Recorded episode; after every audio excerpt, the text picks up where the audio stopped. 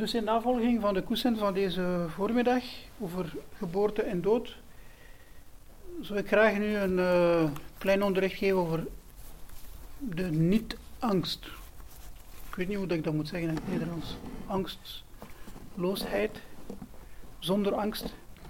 Donc, à la suite de, du coussin de ce matin concernant naissance et mort, euh, je souhaite parler un peu aussi de la non-peur. Maar eerst moet ik zeggen, ik ben geen psycholoog. Ik ben geen therapeut. Ik ben geen specialist op het vlak van de menselijke geest. Toch niet in psychologische zin. Donc d'abord je veux dire que je ne suis pas psychologue, je suis pas un thérapeute, je ne suis pas spécialiste, expert de l'esprit humain au niveau psychologique. Dus ik hoop dat ik niet te veel nonsens ga vertellen. In wetenschappelijke termen bedoel ik dan. Je ne vais pas dire trop de, erreurs en termes de, psychologie. Dus wat ik ga vertellen is je vais surtout parler de ma propre expérience par rapport à la peur. En hoe la façon dont la méditation, le zazen, influence ça. Zoals jullie weten, zen en zazen, uh, daar wordt gezegd dat dat die beoefening de uitdrukking is van de angsteloosheid.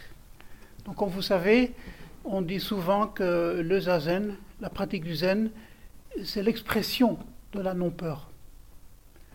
Het is zelfs zo dat meester de Shimaru het kasteel van de Gendronnière le château de la non-peur heeft genoemd. Donc, euh, Maître Nishimaru a appelé le château de la Gendronnière le château de la non-peur. Mu-i-jo in het Japans. Dus het zegt wel iets over het belang van dat concept. Et donc ça, ça met bien l'accent sur l'importance de ce concept. Eerst een paar vaststelling. Angst is doorgaans iets dat we als negatief ervaren, die ons vitale elan uh, doorsnijdt en die bron is van talrijke ziektes. Donc quelques constats d'abord. La peur est souvent perçue comme étant quelque chose de négatif qui coupe notre élan vital et qui euh, amène à beaucoup de maladies. Een tweede vaststelling, zeker als je lang mediteert, angst komt voort uit de gehechtheid aan het ego. La, la, les peurs euh, viennent, donc un deuxième constat, les, les peurs viennent d'un attachement excessif à l'ego. Dus een buitengewoon gehechtheid aan het ego. En drie, we moeten werkelijk de wortel van angst inzien en begrijpen en doorleven. Troisième constat, euh, il faut vraiment qu'on se confronte à ça et que l'on qu va jusqu'à la racine de, de cette peur, de ce qui, de ce qui euh, met ça en route et donc comprendre ça, vivre complètement ça et pouvoir s'en débarrasser, entre guillemets. Iedereen van ons heeft al zeker ervaren dat zazen in de diepe kalmte, de diepe rust van zazen, dat angst verdwijnt. Je pense que chacun de nous a, déjà bien ressenti que en zazen, dans le calme profond du zazen, dans la dans la tranquillité profonde, dans la paix du zazen, la peur disparaît. We zouden zelfs kunnen zeggen dat de vrede, dus de totale rust, de totale stabiliteit, de vrede, werkelijk de, niet, de, de angsteloosheid is. On pourrait même dire que la paix, donc le, repos fondamental, la stabilité fondamentale, l'équilibre fondamental, c'est vraiment euh, la non-peur, le temps de la non-peur. Dus je kunt dat ervaren en zo zijn. Maar hoe doe je dat in het dagelijks leven? Eén keer dat je hier over die balk heen bent gegaan. Donc ça, on peut le ressentir en zazen. Mais comment faire quand on sort ici, qu'on quitte la poutre, qu'on qu'on qu qu enjambe la poutre et qu'on est ailleurs? Dus dan ga ik proberen een aantal dingen te, te zeggen daaromtrent. Um, je vais donc essayer de donner quelques pistes.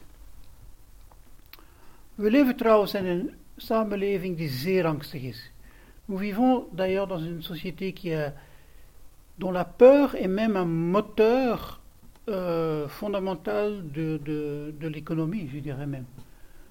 Euh, l'économie tourne autour de la production-consommation de produits et pour vendre et pour nous les importer, il y a toujours un message, si vous n'avez pas ça, faites attention.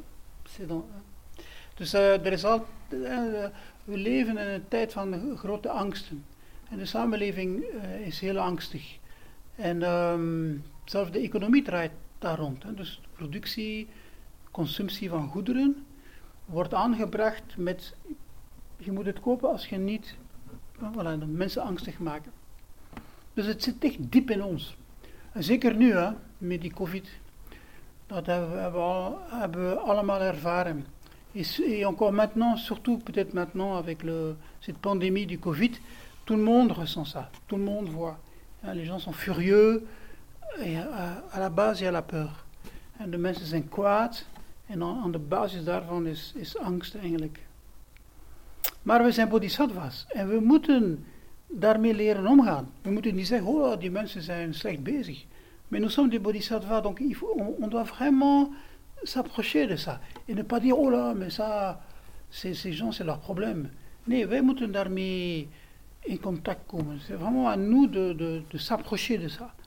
Mais pour ça, il faut solutionner le, pour soi-même déjà le problème de la peur. En dus we moeten naar die mensen toe gaan en, en onze beoefening delen, zoveel als we kunnen.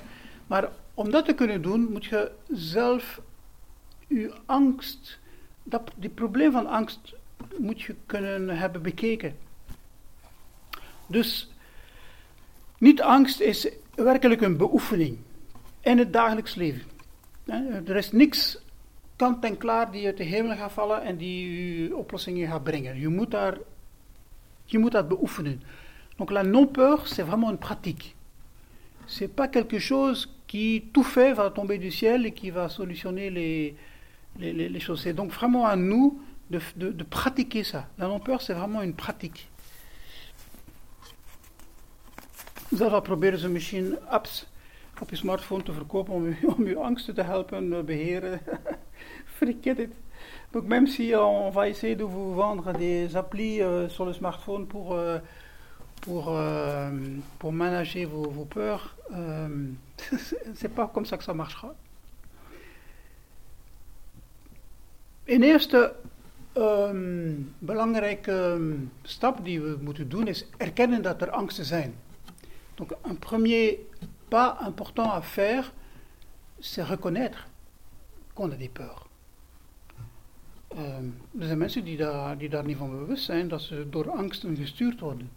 Il y a des gens, ils sont pas du tout conscients, qui sont mm, guidés, qui sont manipulés, qui sont par, par die peur. Dus dat is eigenlijk al iets wat in, in uw introspectie je eigenlijk al, als je in een bepaalde situaties terechtkomt, u de vraag stelt, ja maar misschien zat daar wel een angst dat, waar ik niet van bewust was. Donc quand on se retrouve dans des situations parfois difficiles, c'est bien par après de faire l'analyse et de se demander mais est-ce qu'il n'y avait pas là derrière quelque part peut-être une peur dont j'étais pas conscient? Um, ik heb een soort schematische opstelling gemaakt van uh, een indeling, een eigen indeling van angsten. Je fais un petit uh, résumé moi-même uh, de, de, trois, trois groupes de peur, disons. Um, eerst is, zijn er alle angsten die zeer primitief zijn en die te maken hebben met overleven. En fait, dans le premier groupe, il y a toutes les peurs qui sont très profondes, très dans, notre cerveau même, et qui sont des stratégies de, sur, de overleven, euh, survivre. survivre. Als er, en, en dat is, de wetenschappers hebben daar ondertussen wel, dat zit heel diep, en niet in de bovenste schors van de hersenen, maar heel diep, de kleine hersenen, daar zit het. En donc les, les scientifiques ont découvert ça, c'est les euh, ça se trouve vraiment très profondément dans le, le cérébellum, ça s'appelle, hein, le nom scientifique. C'est pas dans le cerveau rationnel, c'est vraiment très profond. En um, dat is, uh, als er gevaar is, moet je angst hebben. S'il y a du danger, il faut avoir cette peur pour pouvoir s'en sortir. Als het huis in brand staat, als je niet angstig bent en vlucht, ja, dan kun je daarin allee, uh, uh, ja, doodgaan. Donc, s'il y a par exemple la maison qui est en feu, il faut une peur énorme qui nous pousse pour, pour sortir. Dus dat is, eigenlijk is dat geen slechte angst. Het is echt een, een, een primitieve strategie die, die, die het menselijk wezen met de evolutie heeft ontwikkeld. Ja, pijn hetzelfde.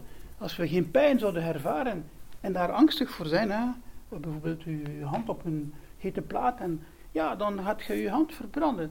Donc, euh, avec c'est pour ça aussi qu'on a la, les sensations de, de, de, de, douleur qui sont importantes. Si on n'avait pas ça, ben on pourrait se, vraiment très gravement se, se, blesser avec, par exemple, quelque chose qui est très très chaud, et puis on met la main dessus et on sent rien, on n'a pas peur, et voilà, on, on se brûlerait. Voilà, is, het is echt een mechanisme van levensbehoud. Donc c'est vraiment un mécanisme de maintien de la vie. Dus, um, dus het, het, is niet die angsten die we moeten overwinnen.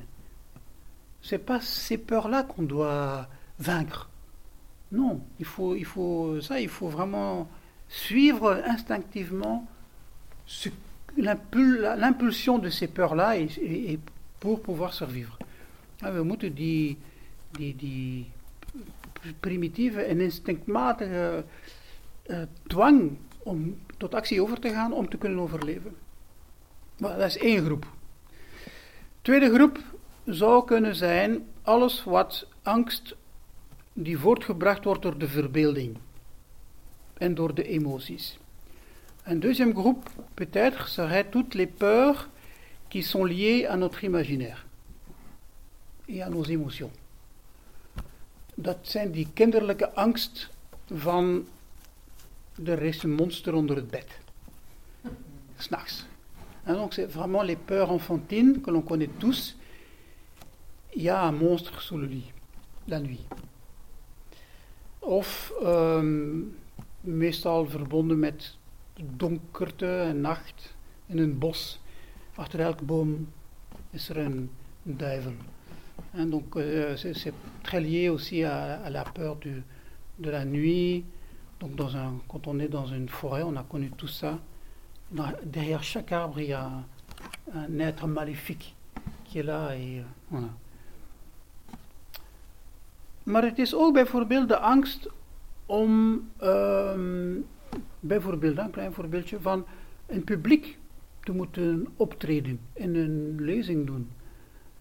En dan zijn we heel sterk geëmotioneerd en angstig van totaal op ons bek te gaan, bijvoorbeeld. Un autre exemple serait toutes les peurs qui sont liées à, par exemple, on est obligé de faire une conférence devant un vaste public et toutes les émotions qui commencent à se mettre en route par rapport à ça, la peur de complètement de passer pour un idiot, euh, voilà, va faire que on réagit d'une certaine façon. Maar dat is op het niveau van de verbeelding. Dat is op het niveau van de emotie. We gaan straks zien hoe dat we daarmee kunnen leren omgaan. On va voir tout à l'heure comment on peut uh, manager ça.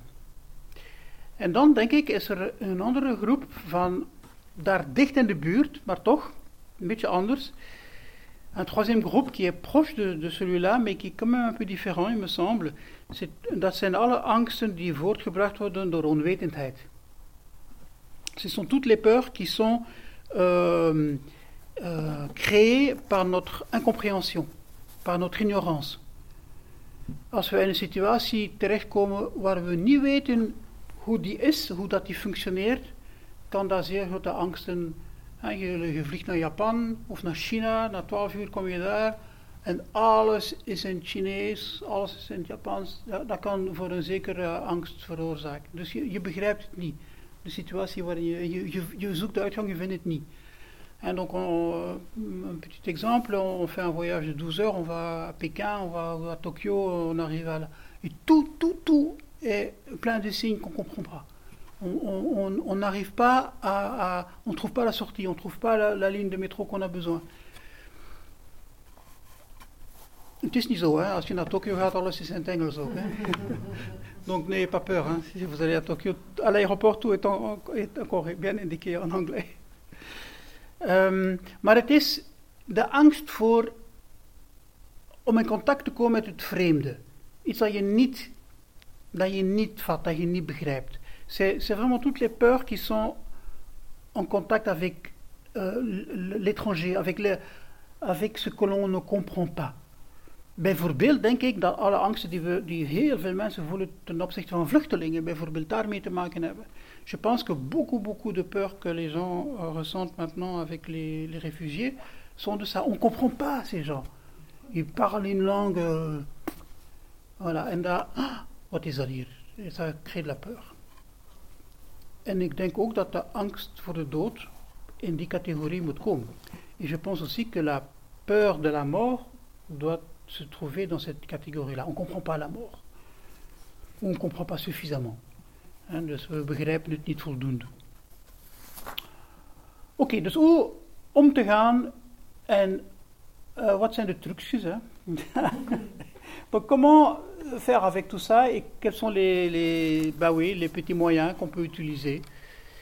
Bon, de eerste, de eerste vorm van angst als levensbehoud, daar gaan we dus niet over spreken, want dat is belangrijk dat dat is. Die, dat reflex moet blijven. Donc la, la, le, premier groupe, c'est cette peur de, qui concerne la survie, on ne va pas en parler parce que c'est vraiment important de l'avoir. Nu, dit gezegd zijnde, de, de, de drie zijn natuurlijk met elkaar in verbinding. C'est sûr que les trois sont en relation les unes avec les autres. Donc il faut bien analyser et on comprendra tout à l'heure que la, la sagesse prajna, c'est vraiment, ce sera la clé de tout. En dan moet je goed nadenken, maar is het hier, ben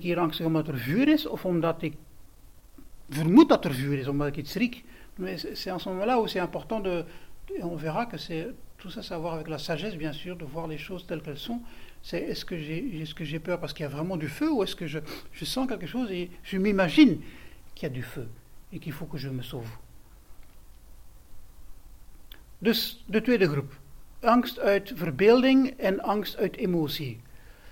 Wel ja, donc le deuxième groupe, hein, euh, les peurs qui sont vécues par rapport à, enfin, qui sont provoquées par l'imaginaire et, et, par les émotions. Er zijn twee takken van het achtvoudig pad die daar een oplossing voor brengt. Il y a, il y a deux embranchements de l'octuple sentier qui proposent une solution pour ça. De eerste is de juiste observatie. Le premier, c'est l'observation juste. Il n'y a pas de monstre sous le lit. Er is geen monster onder het bed. Zie dat eens. Als je door een, confronteert eens met uw angst door eens s'avonds in een bos te lopen en ga ik eens kijken achter elke boom. Er zijn daar geen duiveltjes. Dus de juiste observatie, hoe, hoe zijn die dingen werkelijk? Donc c'est vraiment ça, c'est l'observation juste, comment est-ce que les choses sont véritablement? C'est sûr, c'est un boulot. Hein? Même parfois l'enfant a peur de regarder sous son lit pour être sûr Parce qu'il y a ce monstre-là et ça va, il va être englobé. Englobé. C'est déjà toute une, pratique de, d'observer les choses telles qu'elles apparaissent. Et pas comme on se les imagine. Dat is echt een, een, een, belangrijk onderdeel van onze beoefening. C'est vraiment un, un, un point capital de notre pratique. Observer de façon juste. Zelf al is onze observatie beperkt, même si notre observation est limitée, zoveel mogelijk juist probeert te observeren. Donc essayer d'observer le plus juste possible. Een andere tak van de achtvoudig pad die, kan die dat soort angsten counteren, is het juist denken. Un, deuxième embranchement de l'octuple sentier qui peut nous aider avec ces genres de, de, de peur, c'est la pensée juste. Juist redeneren, het juist begrip. Het is verbonden met juist observatie. Natuurlijk is dat niet iets dat je kunt doen, en ook misschien die eerste niet, op het moment dat je overweldigd wordt door angst. Maar misschien vooraf. En, en, en zeker achteraf. Donc c'est sûr que c'est quelque chose qu'on ne peut pas faire au moment, au moment où la peur nous, nous a complètement emprisonnés. Donc c'est un travail à faire en amont, en amont et certainement en aval. Is er toen gebeurd? Moet je even denken. En qu'est-ce qui s'est vraiment passé? Voilà. En te redeneren. Echt letterlijk met woorden. Hein, al zeggen we soms dat het rationeel redeneren niet goed is. soms is het belangrijk.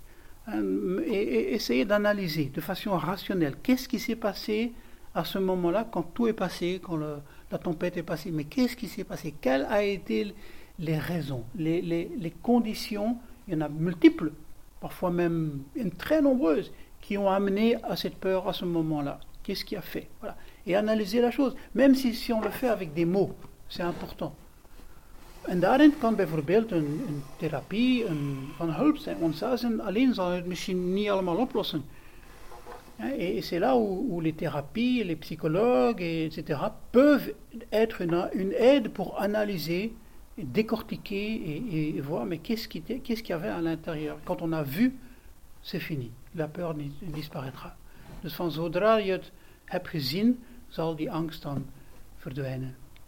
Maar het is natuurlijk werk van lange adem. C'est sûr que c'est un, un travail de longue haleine en die niet zo, zoals ik zei, kant en klaar uit de hemel vallen. C'est pas quelque chose qui va tomber comme ça, tout fait du ciel. Daarom raad ik aan ook om die zes paramitas. Want die hebben met onze emoties te maken, allemaal. C'est pour ça que il faut mettre l'accent continuellement sur les six paramitas. Hein, parce que c'est justement ces paramitas qui, qui travaillent sur nos émotions. C'est justement ça. Hein. Die, uh, die zes paramitas, dat is niks anders dan hoe om te gaan met de grillen van ons ego. Dat is echt dat. Donc les six paramitas, c'est vraiment comment est-ce qu'on on doit uh, manager les caprices de notre ego. Hein, als we ze even uh, opnieuw bekijken. Dana, le don, la générosité, de gift, de gulheid. Dat is misschien eentje die wel goed is om alles wat te maken heeft met angst van verlies van ja, beoefen dan de gift. Donc Dana, hein, le don, euh, justement tout, toutes les peurs qui sont en rapport avec les, les, peurs de perdre quelque chose, de ne pas avoir suffisant pour soi. Dat is iets waar ik heel veel angst voor heb. Hè, niet genoeg hebben. Uh, wel, beoefen dan de gift. Alle soorten gift. Hè. Donc, pratiquer la, le, le, le don. Pas, pas simplement donner de l'argent en premier. Euh, le don, le don du temps, le don de l'énergie, le don d'amour, le don de. Voilà. De tweede, sila, de deugd. Hein? Le, le deuxième, la vertu, la moralité. Ja, ik weet niet welke angst daar tegen. Het is niet zo dat elke paramita met, met een angst zou verbonden zijn. Hè? Maar laten we ze gewoon even onder de loep nemen. Want dat, vele mensen vragen dat. Wat, kan ik doen in het leven? Hè? Zazen, dat is goed, dat is dit en dat is dat. Maar hoe kan ik het Ah ben, ja, de zes paramitas zijn daarvoor. Donc beaucoup de gens, c'est pas qu'à chaque paramita il y a une peur euh, qui, qui, va, qui va solutionner, mais euh, beaucoup de gens nous posent la question, mais dans le tout ça c'est bien, la session c'est bien, etc. Mais quand je suis dans la vie, etc. c'est difficile. Ben oui, ben c'est en ce moment-là que les six paramitas ont, un rôle à jouer. Donc la vertu, la moralité, le troisième prajna, la sagesse, hein, we gaan daar straks nog over spreken. want dat gaat voor de derde groep Xanti, het geduld, la patience, la tolérance. Virya, de energie. l'énergie, l'effort, le courage, de ijver. En dan dhyana natuurlijk, dat is de concentratie, de meditatie, dat is zazen. Et donc le, dernier, c'est dhyana, qui est donc la concentration, la, le zazen, la méditation. Dus dat zijn de dingen waar je in het dagelijks leven op kunt werken. In alle situaties. Geduld, énergie, euh, de gift. Donc c'est à ce niveau-là que dans la vie quotidienne on peut pratiquer. Ça, veut dire pratiquer. Hein les paramitas, ça veut dire ça. Pratique. Les six pratiques dans la vie. Ok. En dan die derde groep, angst uit onwetendheid. Wel donc le, troisième groupe, les peurs par rapport, enfin, qui sont causées par notre ignorance, ben natuurlijk prajna zal ons daarin helpen. Euh, donc bien sûr, ce sera la sagesse qui va nous aider dans ça. En dat is fundamenteel het onderricht van de Hanya Shingyo. Ik heb het deze morgen al een paar keer gezegd. Donc ce matin, je l'ai dit plusieurs fois, c'est vraiment ça, l'enseignement le, le, le, de l'Hanya Shingyo. Kanon beoefent de grote wijsheid en ziet dat en dat en dat. Donc euh, Canon pratique la grande sagesse, il voit que, voilà, tout le sutra. Il voit les choses telles qu'elles sont, dans leur, nu, dans leur nudité, où il n'y a plus rien. Hein, de, de kanon ziet de, de verschijnselen, maar ziet ook zichzelf, de, de, onze vijf skanda's, hein, les cinq skandas qui nous constituent, en ziet hij in een eenvoud, in een naaktheid, en er is niks. Dat is uh, de grote bevrijding van alle angsten die te maken hebben met onwetendheid. Trouwens, er is een zin in de Hanyasingyo. Voor de bodhisattva die prajna beoefent, is er geen angst, noch vrees. Dat is letterlijk, staat erin. Dan, dan, ja, ja, ja, cette phrase dans l'Anyasingyo. Pour le bodhisattva qui pratique prajna, il n'y a ni peur ni crainte. C'est écrit. C'est une phrase qu'on récite. Mais on fait rien avec, ou très peu. Ik denk dat dat misschien te maken heeft met. Um, ja, misschien wel de angst om tot, tot op de bodem te gaan. Peut-être que c'est euh, lié à une peur d'aller jusqu'au fond de la chose. Uh, we weten het wel, we hebben. On, le sait bien, on l'a entendu des milliers de fois, la. Euh, combien de fois Roland et les maîtres de la tradition ont, fait des enseignements là-dessus? On le sait, mais on le sait seulement comme ça, les mots, les trucs. Uh, we weten het wel, maar dat zijn gewoon woorden in ons hoofd. Maar het is niet. Is niet in de guts. Het is niet in ons hart. On le sait, mais, on, on, mais pas, pas au niveau des tripes. Misschien is er iets dat eigenlijk we willen het niet weten. Peut-être quelque chose dans le sens que oui, mais on veut pas, veut pas savoir ça. Een ander voorbeeld, we horen wel, alles is onbestendig. On, on dit souvent, on entend souvent, tout est impermanent. Ah ja, ja, ja, oui, oui, oui, tout, tout, tout change, tout, tout, tout, tout. Dus iedereen gaat daarmee akkoord. Maar wij, nee, wij niet. Hè. Wij, nous, non. non. Moi, j'observe d'un point de vue fixe les choses qui changent. Ja, dan heb je het niet begrepen. Jij bent mee met die verandering. Nous aussi, nous sommes dans ce, dans, dans ce, dans cette mouvance, dans ce, dans ce changement perpétuel, dans, ce, dans cette soupe de la vie. En dus, en dus blijven we ongerust als we dat niet helemaal inzien. Et donc on, on, on reste très craintif, très...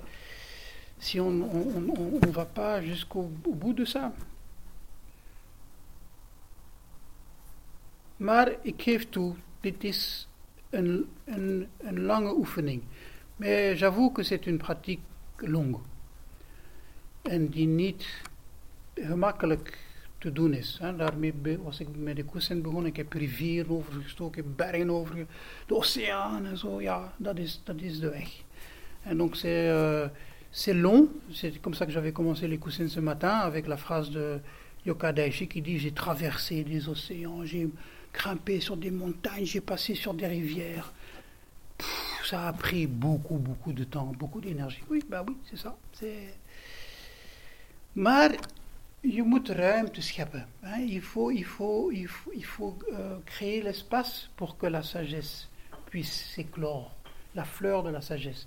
Je moet de ruimte openlaten, zodanig dat de wijsheid kan ontstaan. En daar vertrouwen in hebben. Et avoir confiance en ça. Et, et, de plus en plus dans ce, dans ce sens-là. En dat gaat groeien. Et ça va, et ça va, ça va grandir, ça va grandir. En op het einde zijn we genezen van de angst van de dood.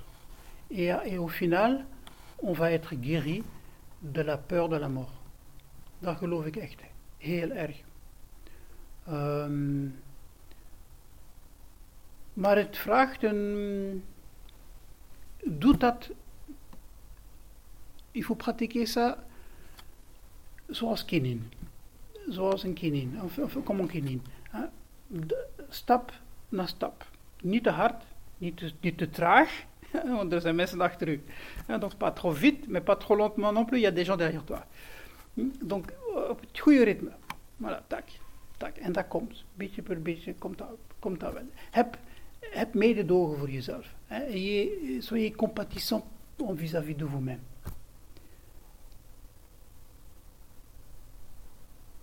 En zazen zal een grote steun zijn natuurlijk. Hè. De zesde paramita, zazen zelf, c'est vraiment, ça va être een grande aide. Want daar kun je het voelen. Die rust, die vrede, die stabiliteit, die niet-angst, die is daar, die, die komt, Et, ça, on, on, on, le ressent soi-même en zazen. C'est ce calme, cette tranquillité, cette paix qui est celle de la non-peur.